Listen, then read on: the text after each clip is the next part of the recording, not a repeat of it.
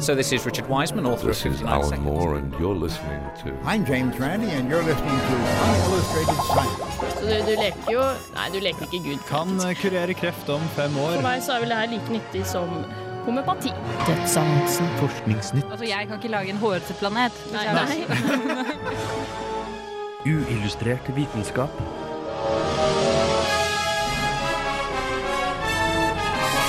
Science, works. I år har det vært mye snakk om hvordan mayakalenderen spår en eller annen form for dommedag i desember.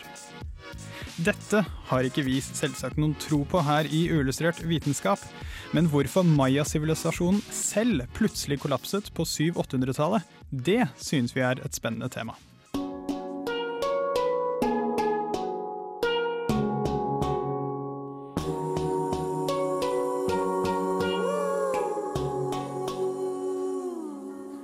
Der hørte du Blood Diamonds og Grimes med Phone Sex, eh, sommerens absolutt eh, diggeste poplåt, eh, i min mening. Fantastisk eh, liten start på uillustrert vitenskap. Du lytter til Radio Revolt. Mitt navn er Ole Eivind Sigrud, og med meg i dag har jeg som vanlig Jeanette Bø. Hallo, hallo. Sunny, Han er, ser jeg ikke. han er ikke her. Borte. Den slasken har eh, blitt daglig leder her i eh, Radio Revolt. Og eh, syns dermed han ikke har tid til å være fast med i Uillustrert vitenskap. Uforskammet. Forræder. Eh, Men det betyr jo at vi eh, søker eh, et nytt medlem. Et bedre et enn Sunny. En uh, Sunny pluss. Ja.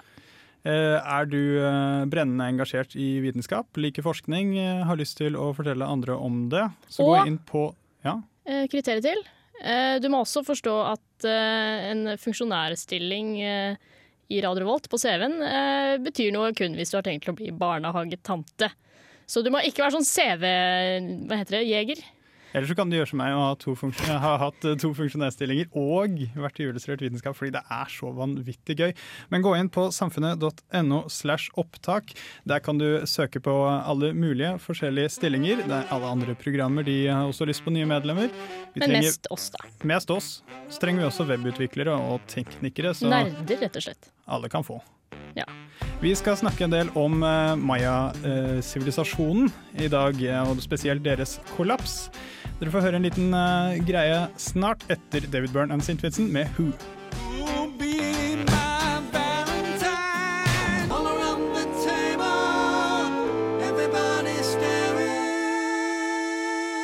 Du hører på Radio Revolt, studentradioen i Trondheim. Mayaene. En avansert sivilisasjon som på sitt største besto av over 19 millioner folk.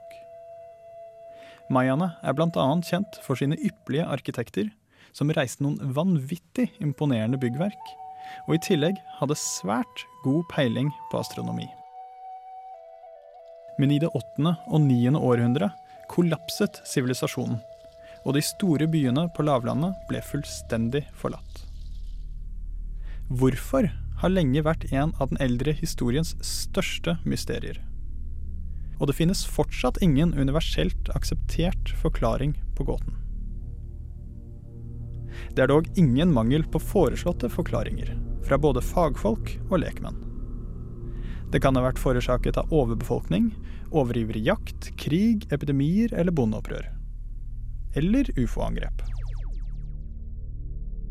I boken 'Collapse How Societies Choose to Fail or Succeed' populariserte forsker og forfatter Jared Diamond en annen teori.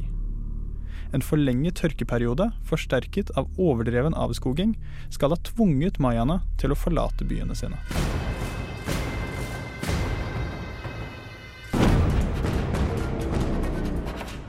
Denne teorien har nå blitt satt på prøve i to forskjellige studier, og resultatene ble publisert i forrige uke.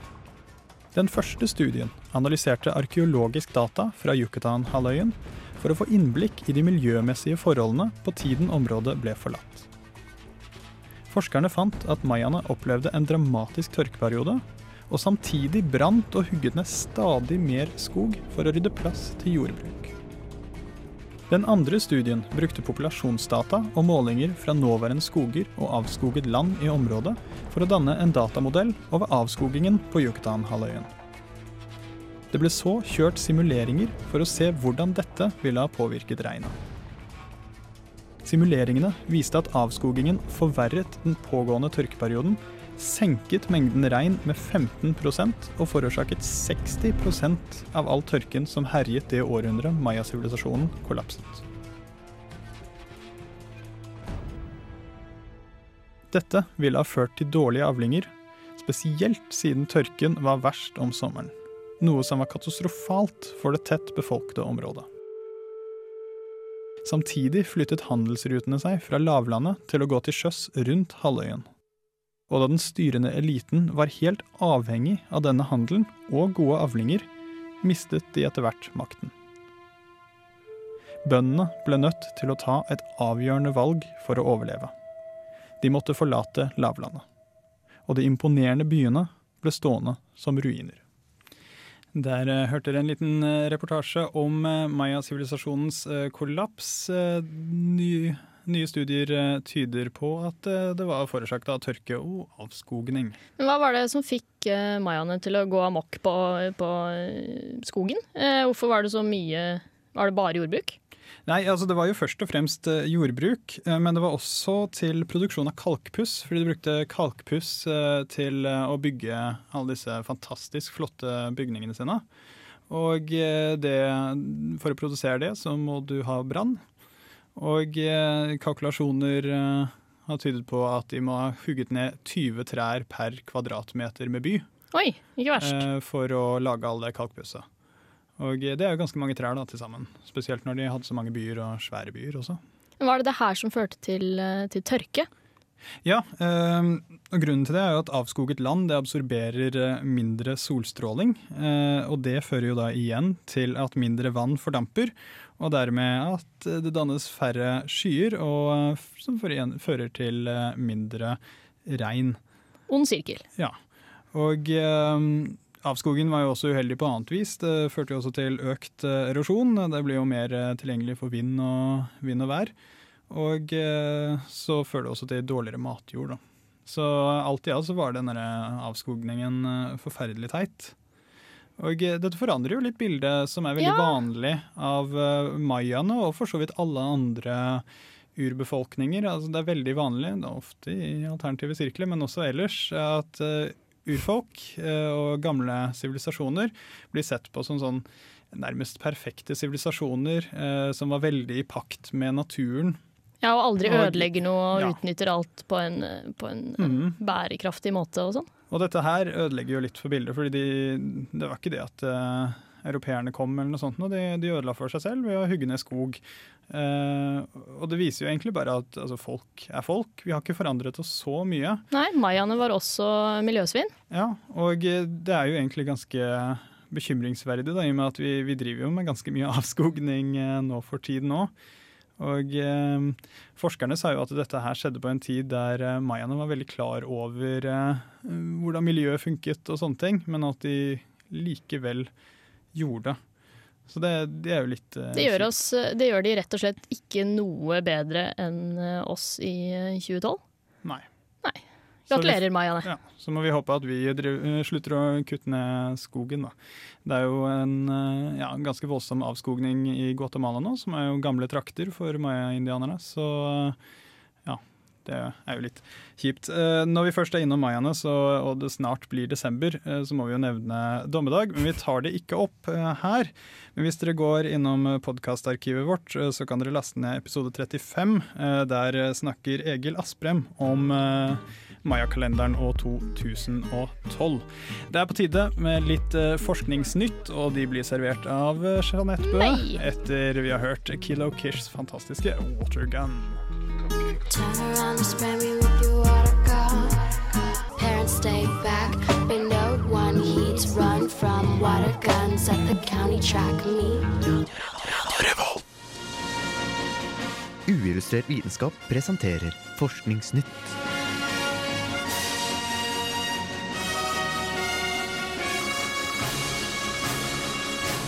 Forskningsnytt. Du har antageligvis opplevd at idet du kommer inn i stua, har du helt glemt hva du gjør der, og hva du skulle. Eller at du kjenner mobilen vibrerer i lomma, men da du sjekker den, er det ingen meldinger eller ubesvarte anrop. Ny forskning avslører nå når hjernen spiller oss slike puss. Professor i psykologi Gabriel Radvanskis ved University of Notre-Dame har kommet frem til at det er dørene mellom rommene som forårsaker glemselen vi opplever idet vi ankommer et nytt rom. Dette er fordi hjernen vår ønsker å automatisere så mye som mulig, og lagrer derfor ikke hele hendelsesforløp, men kun enkelthendelser på bestemte steder. Derfor opplever vi det som at vi legger fra oss beslutningen vi akkurat gjorde på kjøkkenet, idet vi går til stua, og i stedet plukker opp et gammelt minne i stua. Fantomvibrasjoner fra telefonen oppstår visstnok hos mennesker som får mange viktige og gjerne positive meldinger på telefonen. Deres hjerner er mer på vakt etter alle følelser som kan minne om vibrasjoner.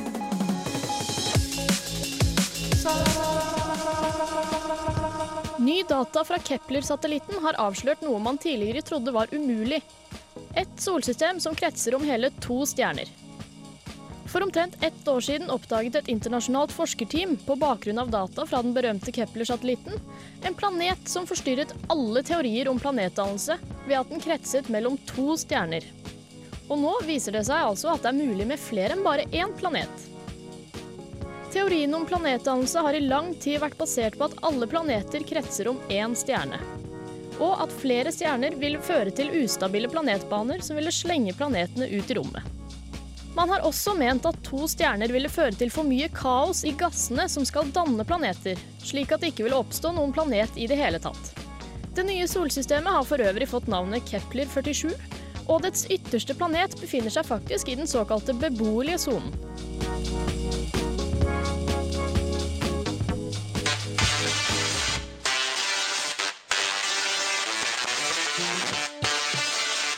Museum til ære for Nikola Tesla skal endelig bygges på Teslas gamle laboratorier i Shoreham i New York. Dette prosjektet er blitt realisert først og fremst pga. skaperen av The Oatmeal, Matthew Inman. Tesla Science Center at Wardenclyffe har i 15 år jobbet med å forhindre at lokalene ble revet og gjort om til dagligvarebutikker, men har til nå hatt for lite penger til å kunne by over andre villige kjøpere. Dette problemet ble løst da Oatmeal-bloggeren fortalte om museumsproblematikken på bloggen sin. På en uke samla han inn 900 000 dollar fra 21 000 mennesker. Og pengene strømmer fortsatt inn til Tesla-museumsprosjektet.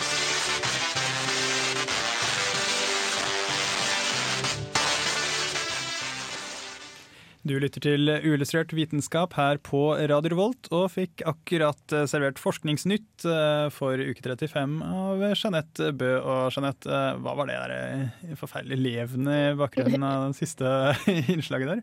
Ja, jeg, herfra så hørtes det litt ut som meg på sånn kazoo.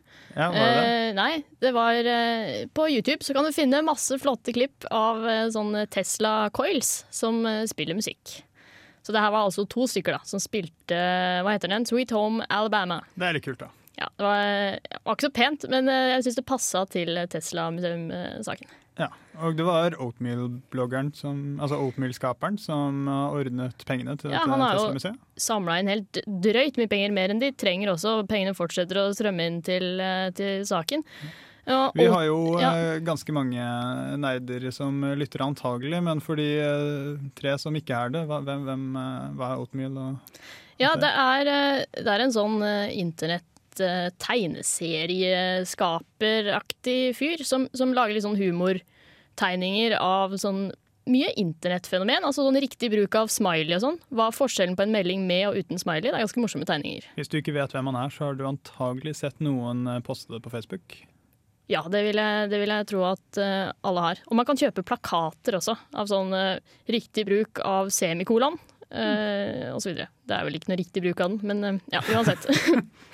Ja, eh, over til eh, den andre saken, som jo var at man glemmer ting når man går gjennom en dør. Eh, hvordan tester de det? Eh, jo, de har jo rett og slett testa det ved å sende folk eh, gjennom eh, sånne glemselsportaler, som da er døren.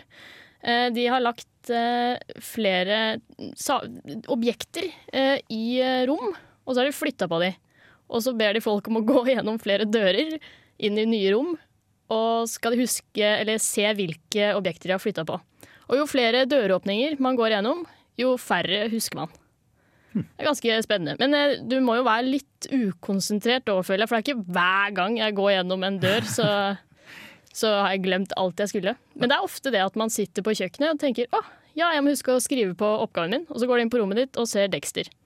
Hjernen vår er, eh, er en liten merkelig eh, sak, men eh, opplever du noen ganger sånne fantom-SMS-er og ringning? Eh, ikke jeg, og det tror jeg ikke så veldig mange damer egentlig gjør, fordi eh, vi har ikke mobilen i bukselomma. Nei. Men jeg, kjenner ganske mange menn som tar opp telefonen hele tiden, og så var det ingenting. Nei, for jeg ble, jeg ble litt trist, jeg, fordi jeg opplever det aldri heller. Og så sier du at det gjerne er de som får mange meldinger og er litt viktige. Da følte jeg meg plutselig litt liten. Ja, ja det, Det er kanskje noe galt med meg. det er det. Og så var det disse to solene og et solsystem rundt, og du sa at den eh, ene var i den beboelige sonen. Ja, det Da er kan veldig spennende. Endelig leke Star Wars og bo på Tatooine. Fordi denne planeten er eh, 4,6 eh, ganger større enn jorden. Mm -hmm. Det er innafor. Og den har, en sånn, eh, den- har et år som er 303 dager langt. Kjempeflott. Eh, Men eh, det er en gassplanet. Så liv vi kjenner til, det er det ikke der. Ah, Det er veldig dumt. Men eh, kanskje noe sånn gassbasert, mystisk svevende liv, som er Det er ikke noen måneder vi kan bo på, da. Eh, nei, de har ikke sett noen måneder. Jeg vet ikke om de har sett så langt. Det er kanskje litt vanskelig.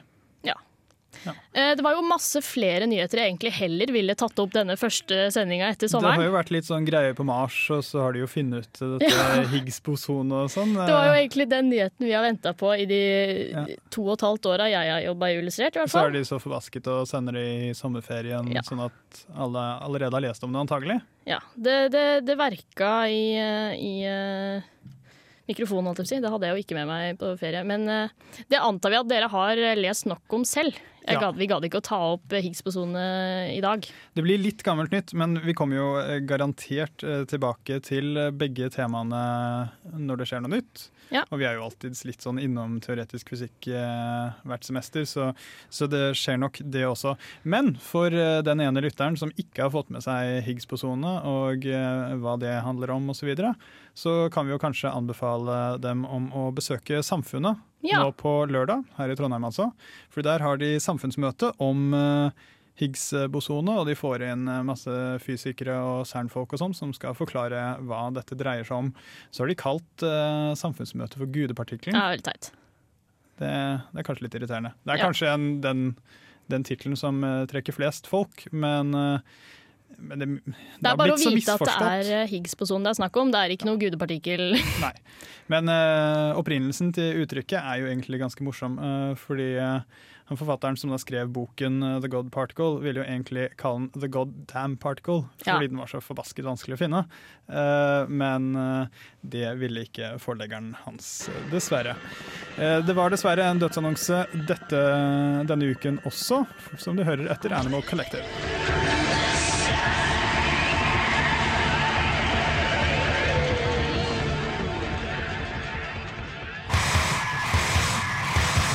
Dødsannonsen. Dødsannonsen. Dødsannonsen. Dødsannonsen. Isbjørnene Lars og Jerka fra Woppertal Zoo i Tyskland døde i henholdsvis 2006 og 2010. Begge bjørnene startet med epilepsilignende anfall og fråding om munnen. De døde få dager senere. Flere universiteter var fast bestemte på å finne ut hva de døde av, og nå har de sjokkerende resultatene kommet. Morderen var nemlig herpesvirus. Et herpesvirus man finner hos sebra. Hvordan isbjørnene har fått herpes fra sebra, vites ikke. I'm James Randi, and you're listening to Unillustrated Science. Ja, jeg eh, utfordrer eh, Snåsamannen, jeg, Joralf Gjerstad. Eh, Han mener jo at han kan lese kort med baksiden opp, og hvis han klarer det under kontrollerte betingelser, så skal jeg betale inn 100 000 kroner til Marte og Joralfs fond for handikappede i Snåsa. Det sa Kristian Gundersen eh, da vi pratet med ham i, eh, tilbake i 2010, var det vel. Kristian Gundersen er jo professor ved UiO og eh, har eh, utfordret Snåsamannen eh, til å vise at han faktisk kan helbrede under, eh, under kontrollerte forhold. Og grunnen til at vi spilte den lille utfordringen igjen, er jo nemlig eh, Folkeopplysningen, som Ja. startet på NRK, eh, aka eh, Heksejakten, ifølge. VG. Ja, stemmer. uh, Ypperlige saker. Ja. Fra begge setta. Jeg likte det. Det var gøy. Og uh, de fikk ting eh, rett. Ja, jeg, jeg lo. Jeg lo, jeg. Absolutt. Jeg syns det var eh, spennende. Eh, det var healere eh, som skulle kjenne litt varme på 30 forsøk, og så syntes de det var kjempebra da de greide 16 av 30. Ja. Der er jo healere som aldri har vært borti sannsynlighetsregning, men det var, de var bra de var fornøyd, da. Blide jo fornøyd. Ja. Jeg tror jeg skal ringe Andreas Wahl og be ham fjernheale meg. Han fikk jo også 16 rett. Ja, han gjorde det, ja. Så det er jo fantastisk. Eh, og eh, apropos eh, folkeopplysningen, hvis du syns det er stas, så er det en bok som heter Trick or Treatment, skrevet av Simon Singh og Edward Ernst, som vi har snakket om tidligere her i Illustrert vitenskap. Fantastisk gjennomgang av alternativ medisin. Hva funker, hva funker ikke. Eh, veldig god analyse, og også fryktelig morsom å lese. Den eh, er nå endelig oversatt til norsk. Den heter 'Bløff eller behandling alternativ medisin under lupen', og lanseres under bok Oslo Bokfestival 14.9. Og Der kan du også se Jan Ole Hesselberg, han eh, psykologen fra Folkeopplysningen, ja. eh, ha en samtale med Simon Singh. Så stikk på eh, Oslo Bokfestival og se Simon Singh, og eh, skaff bløff eller behandling. Eh, det var vel ukens eh, anbefaling. Så får vi sette på litt mer eh, musikk, uh, synes jeg. Eh, du hører i bakgrunnen Heavy Cream med Prison Shanks. Litt sånn ordentlig nederlandsk fuzz der, altså. Uillustrert vitenskap. Radio Revolt. This is Charles L. Bennett from Johns Hopkins University. Science, it works, bitches. Det gjør det, og det er vi fullt klar over her i Illustrert vitenskap på Radio Revolt. Og du, Jeanette, jeg har uh, fått en, uh, en bok her. Flott bok. En uh, flott bok vi fikk tilsendt i posten. Den heter 'Livet skapelse eller tilfeldighet'. Hva tror du? Kanskje ingen av delene. Det er litt sånn falsk dikotomi, det der. Men det vi snakker om, er altså en ny norsk bok, helt fersk, om kreasjonisme, intelligent design, kall det hva du vil. Ja. Eh, Med andre ord, neste uke da blir det en evolusjonsspesial her i Illustrert vitenskap. Yes, det, det gleder jeg meg til. Ja. Og den boka der, det er, det er nesten noe jeg vil anbefale å lese. Eller egentlig ikke, jeg vil ikke at denne forfatteren skal egentlig få solgt så veldig mye bøker. Men, eh, men eh, hvis du er som meg og liker å bli kjempesint, Ja. så innimellom så, så er det boka, altså. Jeg, jeg, jeg leste, skumleste tilfeldige sider nå under en låt, og jeg, jeg ble aggressiv. Jeg satt i går eh, i sofaen og eh, leste litt i denne boken, for den skal leses til eh, neste uke. Og jeg tok meg faktisk i at jeg satt i, satt i sofaen og skrek litt. Skrek til, til boken. Det er ganske provoserende saker. Men evolusjonsspesial neste uke, tune in. Onsdag klokken fire er det nye sendetidspunktet vårt. Det vil være det hver, hver uke dette semesteret. Yes. Eh, og så må vi jo igjen nevne at dere må huske å eh, søke stillinger på Samfunnet. Samfunnet.no slash opptak. Eh, vi må egentlig nesten bare takke litt for oss. I hvert fall for meg og deg. ja. Mitt navn har vært Ola Eivind Sigrud, og med meg har jeg hatt Jeanette Bø. Ja, Men du synes det kanskje er litt tidlig, og det er det jo. Det er litt tidlig å takke for seg. Men han Sunny, slask som han er, som ikke har tid oss. til å møte i studio, har lagd en reportasje. For han har nemlig hørt eh, litt på Radio Labs, en podkast som vi absolutt må anbefale. Veldig bra saker. Mm. Så har han blitt eh, litt inspirert av det, og eh, har da lagd en eh, noe lengre reportasje om, eh, eller samtale om ph.d. er kjedelig, fordi det var noen som sa, nemlig. Og og det han kan ville- hende, det. Vite om det var det. Men, eh, men aller først eh, så får dere høre en eh, vanvittig fet uh, hardcore punklåt som overraskende nok er uh, overraskende poppete. Dødskul er den Blood Command med Cult of the New Beat. Takk for oss.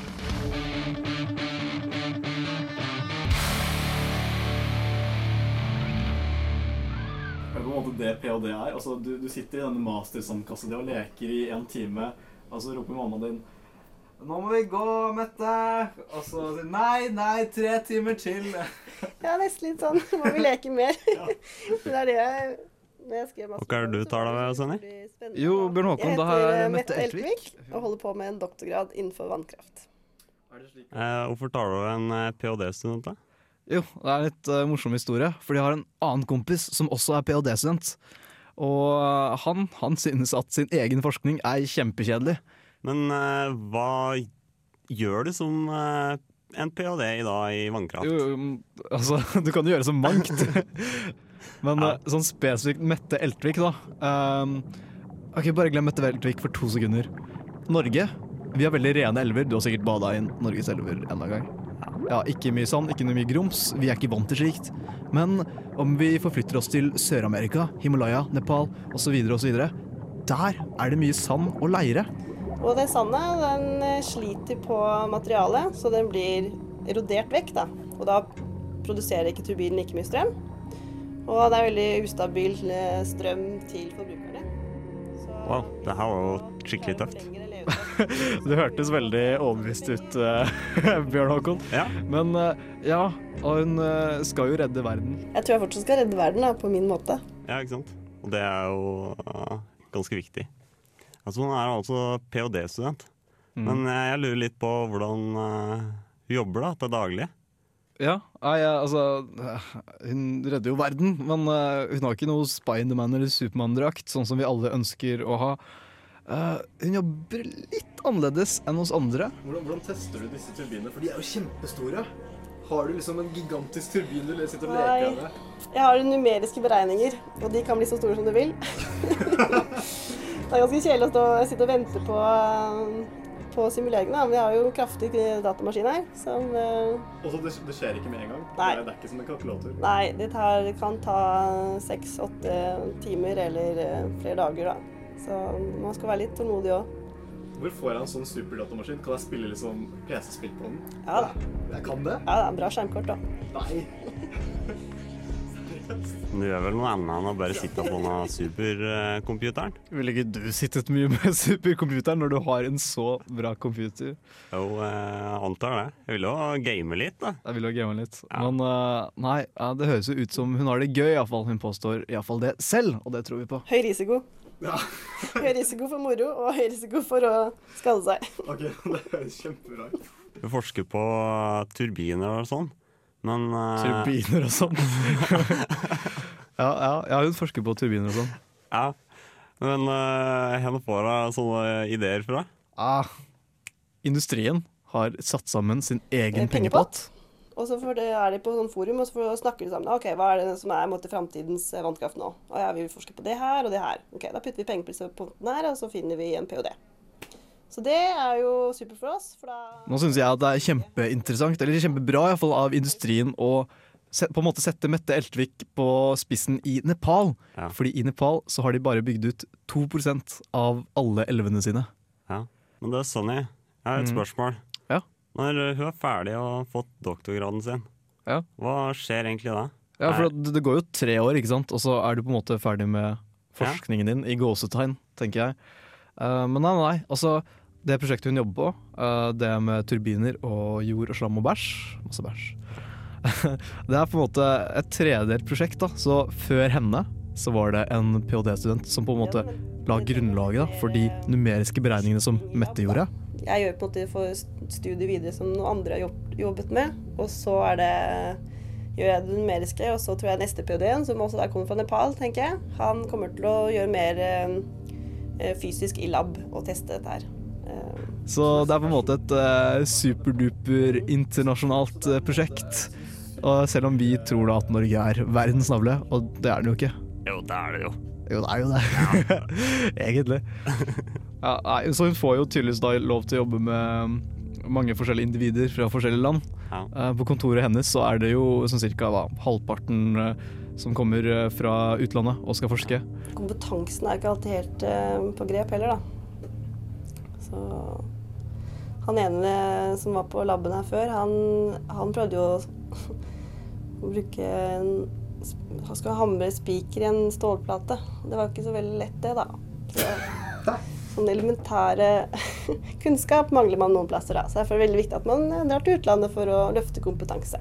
Selv om liksom prosjektene de går jo over grenser, så er det ikke på en måte alle uh, forskningsprosjekter som går så effektivt og så fort som man egentlig skulle ønsket at det hadde gjort. Ja, Hvorfor er det sånn, da? Nei, altså tingen er at uh, Som vi nevnte tidligere, så er det på en måte industrien da, som investerer i forskningsprosjektene. og det kan hende at liksom, uh, forskjellige, in, altså forskjellige bedrifter investerer i samme forskningsprosjekt hos forskjellige universiteter. Eh, De flotte sveitserne, vet du, de er så stolte. De forteller ikke alltid hva de finner ut og sånne ting. Så de er jo veldig sånn, holder alt eh, inntil brystet, alt det de finner ut. Man kunne ha kommet mye raskere frem hvis man hadde samarbeidet mer. Det virker jo kjempeinteressant det vi driver med. det. Og det virker jo som jeg kan mye. Kan faktisk noe. Du kan mye. Og det kan man også som eh, etter masterstudiene, selv om man føler med seg veldig dum. Jeg føler meg ganske dum. Så med en doktorgrad så blir du ekstra smart. Eh, Tittelen i Norge er ikke så veldig viktig. Og det er, det er ikke derfor man gjør det heller, men i utlandet så er det viktigere å ha den tittelen, og da, for da hører man mer på folk. Merker du det i utlandet? Ja, det gjør det. Og spesielt for oss jenter så er det kanskje ikke alltid folk gidder å høre på deg. Jeg syns på en måte det at eh, Det at hun er kvinne og får respekt fordi at hun har doktorgrad, det er jo kjempetrist, men det er også litt kult. Ja, men Det burde jo bare mangle da, at du får respekt for en doktorgrad. Nei, jeg er ikke, jeg er ikke helt enig der, men, men, men fortsatt, jeg synes det er fascinerende at eh, du fortsatt har den tradisjonen at det er rang og tittel som bestemmer i noen land. Men uh, hva skal jeg si? ja? Eh, hun gjør jo selvfølgelig ting utenfor ph.d.-studiet òg. Gjør hun det? Ja. um, Graver du litt din egen grav, liksom? Når du driver med ph.d.-studier? Nei, du blir litt mer kjent med disse professorene som på en måte vi har som forelesere nå. Så den, eh, det å da ende opp på grøftefylla med professoren din, det er egentlig bare helt normalt. Så nå, nå er da spørsmålet Er ph.d. kjedelig? Har, har han kompisen min rett, feil? Skal vi, skal vi ramse opp ting? Okay, For det første, du er på grøftefylla med professoren din. Det er ett poeng. Ja, det, det er plusspoeng. Ja, det er to poeng, faktisk. To poeng. To poeng, ja. Grøftefylle med professoren. uh, Supercomputer med bra gra grafikkort. Du kan, Tusen du poeng! Kan, du kan kjøre alt på best grafikk. 1000 poeng. Nå er vi oppe i 1002. Du får lov til å reise til Nepal. Ja, det er plusspoeng. Det er ett poeng. 1003. Ja, 1003. Og du har, du har medarbeidere som slår spiker i stålplate. Den er bra. Den er bra. Ja, en million poeng. En million poeng. million 1003. Uh, og du får lov til å hjelpe uh, den tredje verden. Ja. Det er uendelig mange poeng. Uendelig pluss en million og 1003. Det er uendelig. Uendelig mange poeng til Mette Eltvik. Da er vi enige. Kjempe.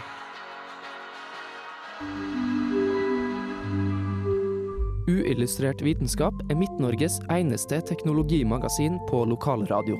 Og vi snakker om alt fra populærvitenskap til sære forskningsprosjekt ved NTNU.